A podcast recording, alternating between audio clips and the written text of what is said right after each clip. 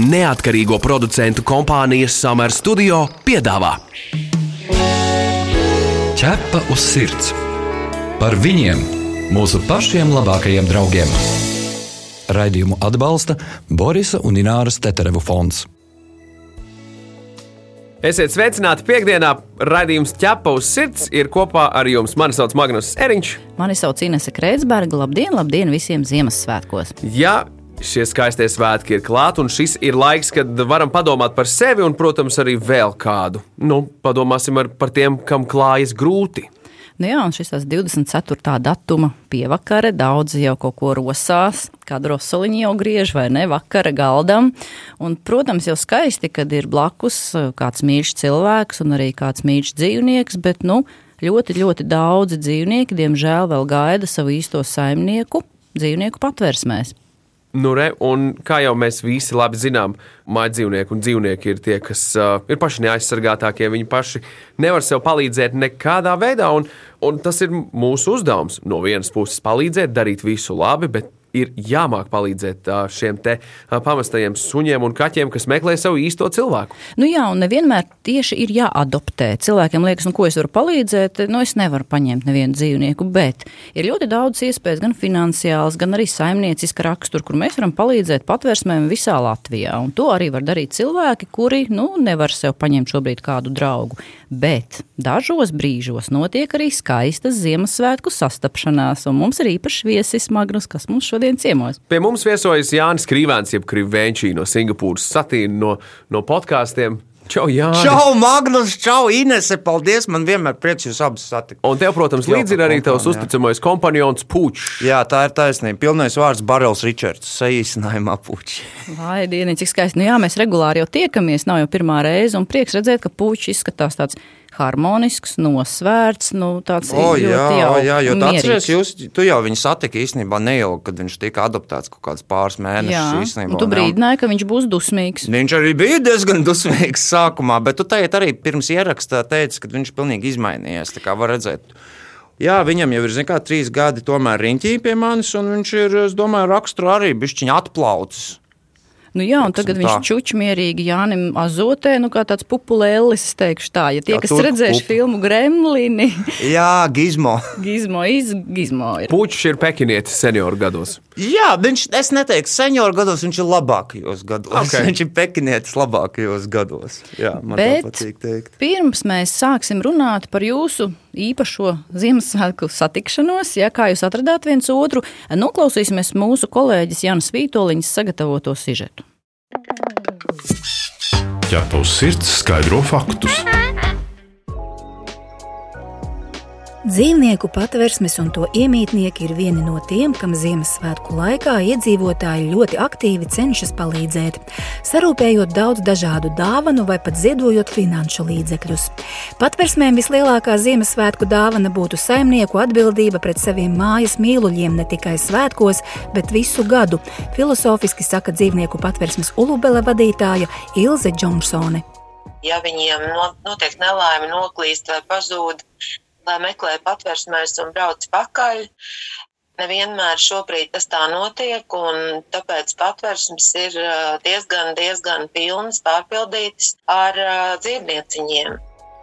Ja ir vēlme svētku laikā iepriecināt dzīvnieciņus, Ilze Džonsone iesaka vislabāk pirms doties uz patversmi ar dāvanām, sazināties ar tās darbiniekiem. Ulubelē šobrīd ļoti vajadzīgi ir tvieļi, palagi, segas, bet, ja ir kādas citas lietas, tad es iesaku vienmēr vai nu paskatīties uh, konkrētās patversmes mājaslapā, parasti patversmes uh, raksta savas vajadzības, uh, vai arī piezvanīt uz patversmi. Nemainīga vajadzība vienmēr, ne tikai Ziemassvētkos.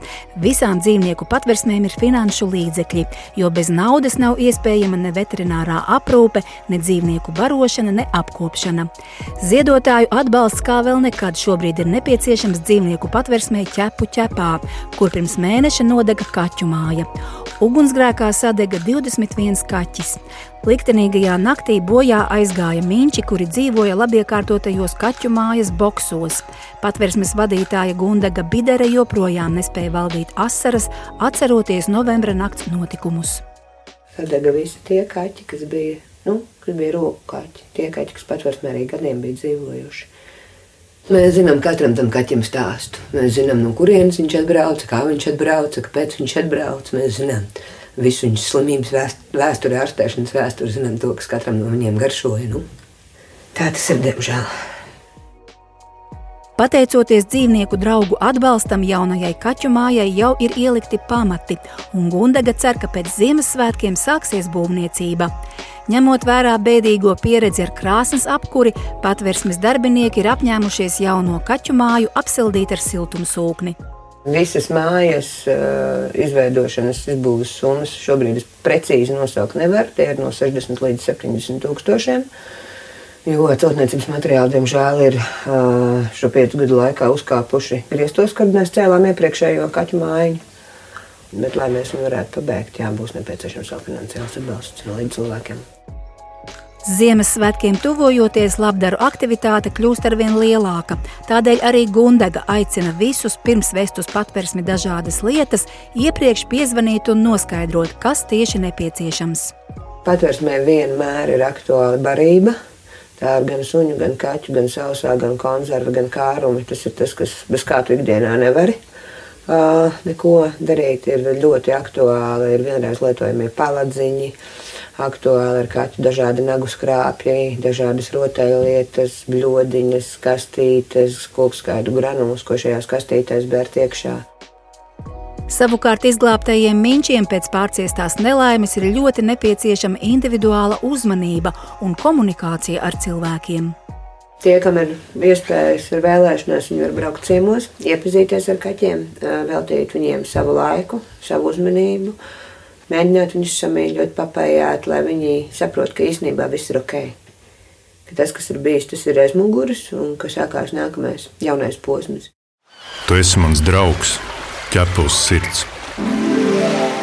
Nu jā, mēs jau iesākām runāt par to, ka jums ar puķu jau šie ir sanāk tri, trešie. Trešie Ziemassvētki, jā, ne? kopā trešie Ziemassvētki. Kā te jūs lietas. parasti svinat? Vai puķis sapucēts, dāvanas, kārumi? Lūdzu, izstāsti. Parasti obligāts nosacījums tiem cilvēkiem, kas nāk pie manas Ziemassvētkos, jāatnes dāvana pučiem. Tas var būt našķis vai tā var būt kaut kāda mantiņa. Uh, bet mēs svinām nu, ļoti, ļoti, ļoti mierīgi, ļoti pa mājām. Zinu, teikt, arī man sāk tuvoties tam vecumam, kad negribas vairāk nekur ārdīties apkārt, gribas pasēdēt normāli, smuki, mierīgi mājās. Un to vēl pēc tam izdaru puču. Parasti tā, ka īstenībā viņa adopcijas diena ir 9. decembris. Uh, Un tad viņa oficiālajā adopcijas dienā es viņu vedu vakariņās uz restorānu, kur viņam pasniedz lielo gaļas kotletu maziņu izmēru. No, tāds starters. Jā, principā tādas tā varētu teikt. Es viņam ļauj sēdēt pie galda. Jā, nu, jā. neminēsim restorānu, lai nedomātu, Mēs nevaram minēt restorānu, jo blā, blā, blā, protams, bet jā, ir viens tāds Rīgā. Nu, īstenībā jau tagad ir, jūs gan jau arī būsiet pamanījuši, ka īstenībā tā situācija pēdējos gados pilnīgi apgriezusies. Tā zinu, vairāk vietās ir mierīgi suni sēdēt. Tā nav nekāda problēma. Šur tur pat suņa ēdienkartes. So jauki. Jā, kā tavā dzīvē vispār suns ienāca? Kā tu izdomāji, ka vēlies suni? Un Kas bija tas īpašais tieši pučā? Uh, īstenībā bija tā, ka es jau godīgi negribēju suni. Nevis es negribēju, es neplānoju. Es neplānoju. Es nevienā brīdī nebiju plānojis suni. Tas vienkārši notika nejauši. Tā bija tā ļoti nejauša satikšanās. Nu, tā, tā kā filmās. Zin? Un es svēti ticu arī tam teicienam pēc tās reizes, ka patiesībā suns izvēlās saimnieku, nevis saimnieks suni. Ļoti bieži. Un, jā, bija tā, ka mēs vienkārši vadījām sunīšus brīvdienās pa patvērsmi.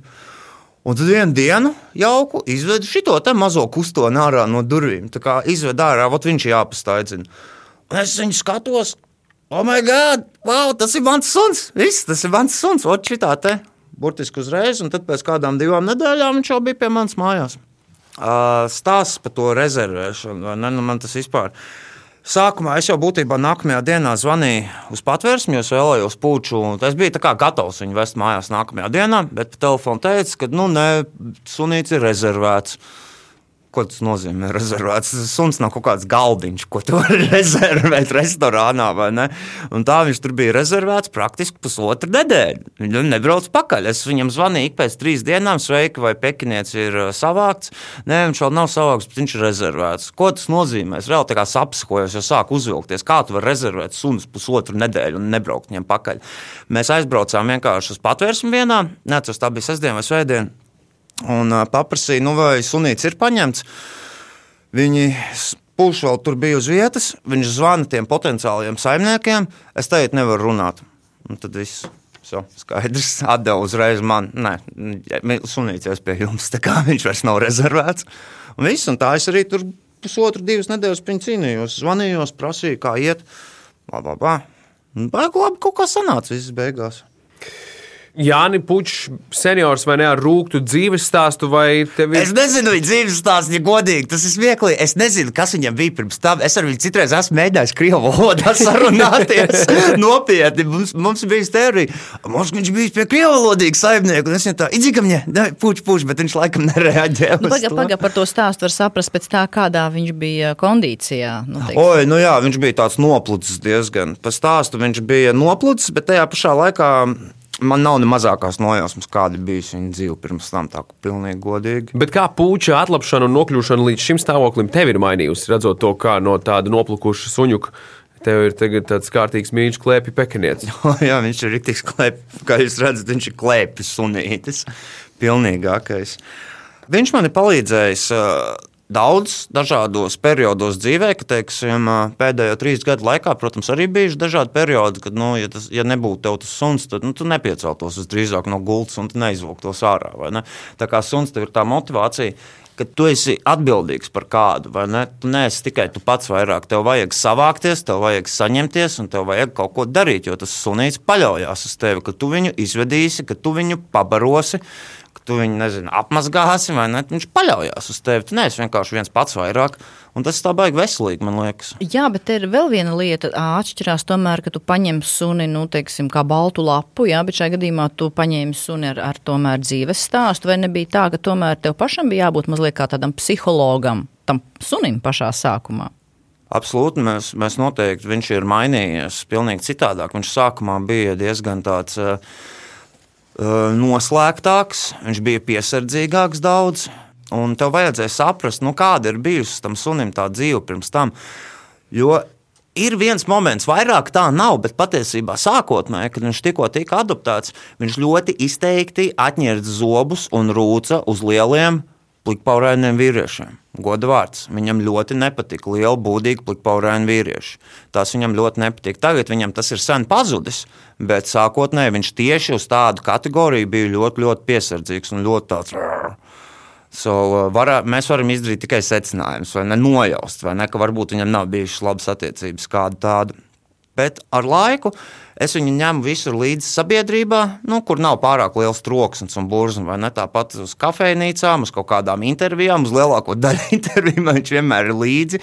Uz tikšanās laikā kaut kādās aģentūrās viņš sēž zem galda un vienkārši no tā, ka tu vēl vairāk no to sunīti, tu viņu ņem sev līdzi, tu viņu radini pie tās sabiedrības, tu viņu radini pie socializēšanās. Viņš arī pierod, un viņš paliek daudz mierīgāks, un viņš redz, ka viņam apkārt visi grib tikai labu. Un viņš pilnībā izmainījās tādā ziņā raksturā. Viņš vairs nav tik noslēgts, kā tu pat redzi. Viņš staigā jau droši močīja apkārt, pats pienāk pie tevis sasveicinās. Ķepa uz sirds, suņu būda.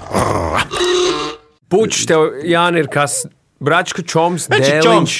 Viņš ir čoms, mēs esam bračikas. Aha. Mēs esam čomi. Zini, man, es pret pūču izturos kā pret draugu. Un, un kā tur viņi komunicē? Tev ir tie, tie brīži, kad tu tā, ej, puķi, ko tu dari? Jā, ir, ir, kad es salos, bet vispār mēs esam tādi brači, kas, zina, kas sēž uz dīvāna, var dzert aluņu kopā, komentēt televīziju. nu, mēs esam tādi. Es, es pret viņu parasti izturos. Viņš ir mans mazais bračiņš, vot, viņš ir bračiņš. Mazais. Bet, Klau, man ienāca prātā tāds jautājums, mm, vai tu esi padomājis, cik svarīgi, piemēram, ir eh, nu, tev dzīves partneri satiekot, kāda būs viņas attieksme pret uh, suni, ka tu vienmēr vēro, varbūt kā tie tavi ciemiņi vai tuvinieki Suns izturās jau ir baigi labais uh, cilvēku nolasītājs. Zini, nekas cilvēks nenolasa tik labi, cik suņi. Man tā vienmēr liekas. Tas jā, bet es vienkārši domāju, cik svarīgi ir, kā tev tas, tas O, man tas cilvēks ir ļoti izturās. svarīgi. Man puķis vienmēr būs svarīgāks. Absolūti. nekā. Puķis man vienmēr būs svarīgāks, un vienmēr cilvēkam vajadzēs pielāgoties otram puķam. Bet, nu, pirmkārt, tur, ja puķam nebūtu pa ceļam ar to otru cilvēku, tur nekas vairāk tālāk vispār neattīstītos. Viss, jo man tas ir svarīgi. Man puķis ir šobrīd svarīgākā radība. Nu, bet tas ir pareizi un godīgi, ka tā pasaka Nu, tieši īstenībā. tā, precīzi. Man nebūs tā, ah, man nepatīk suņi, man, ne, man nepatīk to, reku durvis tur, viss out. Labi, man īstenībā arī ne visi, ne visi suņi ir jauki. Ir arī riebīgi suņi, tas nav nekāds noslēpums. Bet, ja tev konkrēti nepatīk pūš, durvis ir tur, viss, paldies.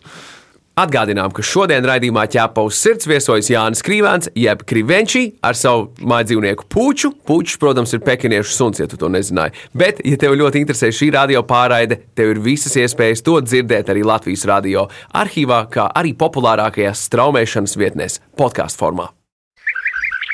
Visur kopā - ķepus sirds. Nu, bet, ja tomēr nu, vērtē saimnieks un suns, kas jums ir tāds, nu, kaut kāds līdzīga lieta? Jūs sakat, jau, ka ka viens no otra tomēr mācās. Man cilvēki bieži saka, ka esmu ļoti līdzīgs pušam, ka mēs paliekam līdzīgāki un līdzīgāki. Mums pirmkārt jau ir vizuāls paskats līdzīgs, ja es novelku cepuri. Nu, bārdas ā, līdzīga krāsa. Vārdas līdzīgi, mums ir mati ļoti līdzīgi kā viņam. Jā, nu jums vienīgi ausis ir dažādas. Tur Dažādi Pučam, pučam izmēra ir. ausis, bet tā Pučam, vispār tas sāk kaut kādu līdzību veidot. pučam tur ir, tur, jā, tur dieviņš ir pastrādājis labāk. Dieviņš bija devīgāks, bišķīgi pret puču. Uh, bet mēs abi esam diezgan tādi. Lai gan nē, es varu kaut kādas pilnīgas muļķības sarunāt. Kā nav te jau pašam ir baigi grūti sevi no malas noraksturot. Vislabāk kaut kāds cits cilvēks varētu pateikt, kas ir līdzīgs, kas nav. Jo, teiksim, es pats nepamanu daudz lietas tā no malas. Tie jau pats sevi no malas īsti tā nevar noraksturot. Nu, piemēram, līdzīgs, ir kas tev tādi suņi vai kaķi, piemēram, kuri ļoti, nu, tādi nevis uzbāzīgi, bet viņi ļoti meklē cilvēku klāt. o, jā. ir tādi, kas ir atturīgi. Prasīgi, viņi ir prasīgi, un es esmu tik šausmīgi pateicīgs, ka pūčam ir pašam savas ģēlas. Viņš ir tā kā mājās, viņš, viņš reizes dienā, jā, viņš pienāks pie tevis, nu, vai padarām kaut ko. Moš, pamet, moš tu man pamet bumbiņu, es bumbiņu atnesīšu, un kaut ko tādu varam padarīt. Vai arī viņš pienāk pie tevis uz dīvāna, apsēžas blakus un skatās virsū. Tas nozīmē, ok, viņš grib, lai tu viņu paglaudi. Bet tā notiek vienreiz dienā, divreiz dienā, un es esmu tik pateicīgs, kad viņš Zini, ir tie lielie suņi, kas strādā pie kompja, un tev būs tā galva klēpī. tā kā visu laiku. Es tā nevarētu. Man nepatīk, kad eh, man visu laiku no manis kaut ko prasa, ka man visu laiku ir jādod uzmanība. Es tā nevarētu tiešām. Un tāpēc esmu vēlreiz tik pateicīgs par to, ka puķim ir vispār tāds raksturs. Nu, bet, piemēram, tu, kad eh, ar viņu ierodies kādā kafejnīcā vai publiskā pasākumā, nav tā, ka cilvēki pēc tam pārsteigti, ka viņi nevar iedomāties, cik tas suns ir zolīts. Lūk, ļoti labi. Īstenībā daudzi cilvēki bieži tieši par puķu saka, ka wow, viņš ir tik kluss un viņš ir tik mierīgs. un Tā citi suņi atkal, jūs zināt, viņi baigi psiho, viņi skrien uz visām pusēm. Bet tas jau ir tikai laika jautājums, jo vairāk man liekas to suni. Tu nevari vienreiz mēnesī suni aizvest uz kafejnīcu, un tad pēc diviem mēnešiem atkal viņu paņemt līdzi uz kafejnīcu un domāt, ka kaut kas izmainīsies. Nu, nē, tas ir visu laiku. Tev ir jābūt tai konstantai, eh, ka tu visu laiku to dari. Tam ir jābūt eh, patternam. Tu nevari vienkārši tā vienreiz trīs mēnešos, un oh, kāpēc viņš tik skaļš ir. ne? Tas ir regulāri, vajag viņu radināt, radināt, radināt. Un, uh, tur, kur, protams, ir liels troksnis, kur ir šausmīgi daudz cilvēku, es viņu neņemu. Vai arī es viņu ņemu rokās tikai tad, zin, kā viņš ir maziņš, viegli uzkāpt. Nu, bet tad ir tāds jautājums, eh, nu, piemēram, vai ir kaut kas tāds, ko tu nevarēji iedomāties par suņiem, nu, ka viņi uz kaut ko ir spējīgi, vai ka viņi kaut ko, nezinu, domā līdzīgi, vai kaut ko uztver, bet puķis tev parādīs. Nu, es saku, ka puķis ir tik unikāls gadījums, ka uh, man liekas, ka viss, ko es domāju par suņiem, viņš parāda kaut ko pilnīgi citu. Es citreiz domāju, ka viņš nav suns. Viņš ir vienkārši kaut kāda. Viņš, viņš varbūt ir suņa formā, viņš varbūt pasē, viņam ir pekinietis vai ne, bet tā pēc rakstura un pēc tās dvēselītes, man liekas, iekšā viņš vienkārši ceļotājs. Viņš ir ceļotājs pa dvēselīti, pa apziņas stāvokļiem. Un mums visiem ļoti paveicies, ka mēs varam būt dzīvot vienā laikā ar šo radību, ka mēs esam vienā telpā, laikā, ērā ar šo radību. Viņa mazo. Mums vajag būt pateicīgiem. Tas tā kā būtu Kleopatras laika biedram, bet puķu laika biedram. Jā, nu vai tu, vai tu vari nosaukt pāris lietas, ko puķis ir, ko, ko viņš ir mainījis ienākot tavā dzīvē? Kā ir mainījusies tava dzīve? Nē, nu varbūt, piemēram, agrāk nēdi brokastis, tagad ēdi ir, tāpēc, ka sunim jādod, nu, varbūt kaut kas tāds. Uh, jā, tas tāds vairāk humoristisks. Viņš ienes fenšuju manā dzīvē. Oh, Tādā ziņā, ka sākumā viņam bija tāds niķis, tagad viņš tā vairāk nedara. Tas bija šausmīgi smieklīgi. Un es saucu to, ka viņš kārto pēc fenšuja māju. Es viņu, teiksim, atstāju mājās kaut kādām nu, divām, trīs stundām dažreiz. Es atnāku mājās, viņš vienu botu nolicis vienā istabas stūrī, paklājiņš ir aizaugs kaut kur istabas vidu, un tad es piedūros, ka viņš pēc fenšuja sakārtoja visu mājās, kamēr es biju prom, zin kā ķīnets tomēr. Uh, bet tā, jā, pulčs man ir iemācījis vairāk to droši vien atbildību, ka tu vairs neesi tikai tu pats, Bet, kad tev ir kādu jāprūpējas, tu vairs netusē līdz rītam, pilnīgi, vai ne? Tev ir jāatnāk mājās, tev jāzina, ka tev suns gaida, tev viņš ir jāizved. Lai kādās es būtu, teiksim, šo trīs gadu laikā, dažreiz, lai kādos stāvokļos es nebūtu atvilcies mājās, es vienmēr esmu prioritāri izvedis pūču, neskatoties ne uz ko. Es viņu esmu pabarojis, paspēlējies, un labi, tad es varu iet gulēt. Bet vienmēr viņš ir prioritāte. Un tu tādā veidā iemācies rūpēties varbūt varbūt vēl kādu. Tas jau dzīvē nāk pa labu tikai. Es tomēr vēl gribu tādu filozofisku jautājumu pajautāt. No. Um, sanāk tā, ka pret dzīvnieku mēs varam būt daudz atklātāki. Mums tā kā nav aizturis viņam pateikt, ka mēs viņu mīlam un cik viņš mums ir svarīgs. Bet bieži uh, cilvēki, mēs kautrējamies savam tuvajam cilvēkam pateikt, domājot, nu viņš tāpat jūt, tā kā kautrējamies. Kā tev liekas, kāpēc tas tā ir? komunikācija, es domāju, tīrākā suns tev nepateiks neko atpakaļ, bet cilvēks var kaut ko tev pateikt atpakaļ. Cilvēki baidās saņemt reakciju. Nu, paga, paga, ja tu tuvam cilvēkam pasaki, ka tu viņu mīli, viņš neteiks uh, neko sliktu pretī, ja cilvēks nezina. Nē, protams, protams, protams, viņš neteiks neko sliktu, bet man liekas, ka tas ir tā. Cilvēki ir ļoti pēdējos, uh, man liekas, gados aizvien vairāk noslēgušies. Zini, Un, man liekas, agrāk cilvēki viens otram, tuvi cilvēki īpaši viens otram biežāk teica, ka viņus mīl, bet tagad mums ir telefoni, mēs uzrakstām, mēs mazāk sazvanamies. Es domāju, ka tieši tāpēc arī tas viss savelkās kopā, mēs tādas lietas sakām mazāk, jo varbūt mēs kautrējamies. Nu, suns tev nevar pateikt atpakaļ. Varbūt. Nu, viņš var izrādīt to, ka viņš tev mīl, zina atpakaļ. Bet cilvēks Man liekas, mēs esam kautrīgi. Mēs paliekam par tādiem antisociāliem, antikomunikabliem radījumiem. Jā, bet tur es to pamanīju. Es tev aizsūtīšu sirsniņas emoji. Zini, ot, piemēram, pilns piemērs. Tu aizrakstīsi mammai, nevis, ok, mamma mīl tevi, tu aizsūtīsi sirsniņas emoji. Jā, bet varētu nu, tomēr teikt, vai ne? Nu, varētu, absolūti, jā, jā, jā, un tas ir man pašam arī tas jāmācās. Zin. Es piedaru arī no tās paudzes, kas labāk uzrakstīs, nekā piezvanīs pa telefonu. Un es nezinu, kāpēc tā ir. Es domāju, tas ir lietu kopums. Arī starp citu, jā, jā, starp citu, tuvajam cilvēkam uzrakstīt pat ir vieglāk. Tā ir jūtām, ļoti stulba tendence, kas mums ar katru gadu paliek aizvien izteiktāk un izteiktāk. Un tagad saka, mēs pat vairs nerakstam vārdus, mēs aizsūtīsim emoji. Man, man, man, man, man ļoti interesanti. Tu neuzrakstīsi bučas, tu aizsūtīs bučas emoji. es klausos jūsu sarunā, un es jums, diemžēl, nevaru piekrist. Es esmu vēl viens no tiem veco laiku cilvēkiem. Man patīk piezvanīt. Man rets, tu esi man rets gadījums. Man nepatīk, es redzu, man zvanu. Oh! jo tas, zini, kāpēc tā ir? Jo tas prasa tūlītēju atbildi. Tu pazīsti kādu īpašu dzīvnieku draugu? Tavs kaimiņš vai kolēģis palīdz nelaimē nonākušiem suņiem un kaķiem? Varbūt kāds suns vai kaķis izmainīs tavu pašu dzīvi. Raksti mums, un mēs pastāstīsim šo sirsnīgo stāstu pārējiem klausītājiem. Iedrošināsim arī citus izdarīt kādu labu darbu. Gaidām jūsu vēstuli uz info atķepaus sirds LV. Man liekas, tieši Ziemassvētku laiks ir tāds, ka gribās tās emocijas varbūt arī vairāk parādīt. Un tas jau nav slikti, vai ne? Ka tādas arī var būt. Jā, nu, it kā atkal būs kaut kāda bļāvēja. Emocijas jārāda katru dienu. Jā, bet, zini, ja nebūtu tāda Ziemassvētka, tad vispār viņas netiktu parādītas. Arī tā kā fakts, labi jā. vien ir, ka vispār ir visi Ziemassvētki un visas ģimeņu sanākšanas kopā. Nu, un ka viņas tiek varbūt parādītas reizes ceturksnī, vismaz viņas tiek parādītas. Nu, nedzīvojam mēs utopijā, katru dienu jārāda emocijas. Nebūs tā. Nu. Bet, Klau, kas tev ši, šis esošais laiks parādīs, kas tev ir lielākā vērtība? Man liekas, ka tas ir laiks šausmīgi ātri skrien. To es esmu pamanījis vēl ātrāk skrien nekā agrāk. Man liekas, ka lielākā vērtība, ko tu vispār vari kādam dot, un novērtēt, ir laiks. Laiks, es tev pilnīgi, pilnīgi piekrītu, un es to arī būtu atbildējis tā, tādā pašā ziņā. Es esmu baigi daudz visādās intervijās teicis, kaut, kā, kaut kādās vieslekcijās, kaut kur. Laiks jau ir mūsu svarīgākais resurss un vērtība. Tu vienmēr uztaisīsi vēl naudu, tu vienmēr, nu, tu kaut kur izrausi vēl naudu, tu vienmēr dabūsi vēl iespējas, tu vienmēr dabūsi kaut kādus vēl, vēl projektus, tu vēl kādu jaunu cilvēku iepazīsies, gan jau dzīves gaitā, vēl, bet laiks tu nedabūsi atpakaļ laiku. Tik cik tev viņš ir, tik ir, tāpēc visvairāk jānovērtē, ka tas otrs cilvēks tev velta laiku, un tu velti kādam laiku, jo laiks ir ļoti, ļoti dārgs. Kā Magnus domā? Jā, man patīk Jāņa ideja par laiku. Patiesībā tā ir, Laiks. tā ir svarīga lieta.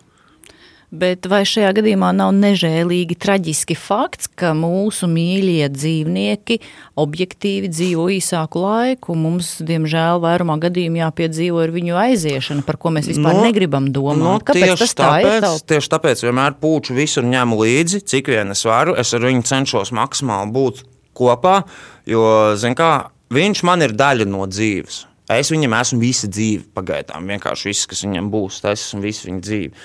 Es viņam, viņš man ir daļa dzīves. un Tāpēc tas laiks ir tieši svarīgs to mīlu kopā. Plus es viņu jau esmu uztatujis. Manas kājas ir puķis tetovējums. Nu, jā, kā teica mums. Uh, Viens sižeta varonis, ka esiet labi pret dzīvniekiem, tās ir, tie ir 15 gadi no jūsu dzīves, bet sunim tā ir visa dzīve. Tieši tā. Tu esi mans draugs, ķepus sirds. Vai tu kādreiz neesi iedomājies, nu tā filozofiskā brīdī, kā būtu bijis tomēr, ja tu nebūtu aizbraucis pakaļ pūčam un suns būtu nonācis citās mājās? Jo pēc Mm. idejas viņš bija patversmē, viņu kāds būtu adoptējis noteikti, jo pekinieši, maz izmērs sunīši, mīlīgi viņu paņemtu. Tu iedomājies to faktu, vai tu netici, ka tas varēja būt savādāk? Es neticu, ka tas varēja būt savādāk, bet es arī domāju, ka viņš būtībā arī ar mani izvilka loteriju. Es teikšu, godīgi, es izvilku loteriju ar viņu, bet es būšu godīgs, viņš arī izvilka loteriju ar mani. Es nezinu, tik citus suņus, kas tiek pie tādas uzmanības, tiek tā uķināti. Viņi, viņš ēd tikai itāļu konservus. Sāksim ar to. Viņš ēd gaļiņas tikai no Itālijas. Ja? Smalki. Ļoti specifiskas. Viņš regulāri saņem arī dāvanas. Viņš regulāri saņem dāvanas. Viņam ir dīli ar zīmoliem. Zīm... Vot nesen bija spilgts gadījums. Es, protams, nevienu zīmolu nesaukšu vārdā. Es nevaru. Decembris sākums man uzraksta aģentūras. Sveiki, Jāni! Mēs vēlētos pučam nosūtīt dāvanu. Paga, ko es, es neesmu vēl saņēmis nevienu. Pučam ir trīs, trīs dāvanas, viņam ir atsūtītas viņam, un tas ir fenomenāli. Nu, tā kā pučs arī jau vispār, es domāju, es domāju, es ceru, ka viņš novērtē, ka viņš arī ir īstenībā baigi labā maizē ticis. Jā, vai tev ir kāds vēlējums klausītājiem un visiem, visiem dzīvnieku draugiem šobrīd? O, jā, o, jā, tērējiet laiku uz lietām, cilvēkiem, dzīvnieciņiem, kas jums patiešām ir svarīgi. Nemētājieties viņu apkārt. Un, un, un, lai jums ir super, super brīnišķīgi, un silti un gaiši, skaisti Ziemassvētki, un, protams, lai nākamais gads nes daudz veselību, daudz iespējas, daudz laiku. Lai visam pietiek laika. Vien Pārējo jau paši tiksiet galā, atradīsiet. Lai top! Lai Paldies, top. Jāni! Paldies jums, milzīgi, ka uzaicinājāt. Ļoti patīk. Visur kopā - ķepus sirds. Paldies Jānim, paldies Pūčam, ka bijāt ar mums šodien Ziemassvētkos. Jāsteidz, taču eglīte pušķot, vai ne? Tas tiesa, tas tiesa, svētku vakariņas arī straujiem soļiem tuvojas ikvienam. Uh, Ines, paldies par šo raidījumu, bet uh, mums vajadzētu saprast, ko tad klausīsimies nākamajā reizē. Jā, nākamajā nedēļā mēs tiekamies tieši vecgada vakarā, burtiski pēcpusdienā, kad atkal kārtējie prosala galdi top un cilvēki turpinās gastronomiskās izvērtības. Un, protams, gaidīsim pusnakti, lai sveicinātu jauno gadu. Bet nākamajā raidījumā runāsim par jaungada svinībām un negatīvo ietekmi uz mūsu mājdzīvnieku svaru. Jā, jādomā, lai nepārbarotu ne suņus, ne kaķus, un izrādās, ka ir arī veselīgi kārumi un veselīgi našķi. Un, un īsnībā, kad veikalos pirktie suņu kārumi pat esot veselībai kaitīgi. Tālāk. Jā, un to mēs visu skaidrosim vecgada vakara pēcpusdienā, tieši pirms jaungada sagaidīšanas, nu, par un ap ēšanu. Tas arī šonadēļ ir viss. Mani sauc Inese Kreitsberga. Mani sauc Magnus Eriņš. Raidījumu veidoja neatkarīgo producentu kompānija Summer Studio. Priecīgus visiem Ziemassvētkus! Visu labu! Ķepa uz sirds! Informatīvi izglītojoši raidījums par dzīvnieku pasauli un cilvēkiem tajā. Raidījumu atbalsta Borisa un Ināras Teterevu fonds.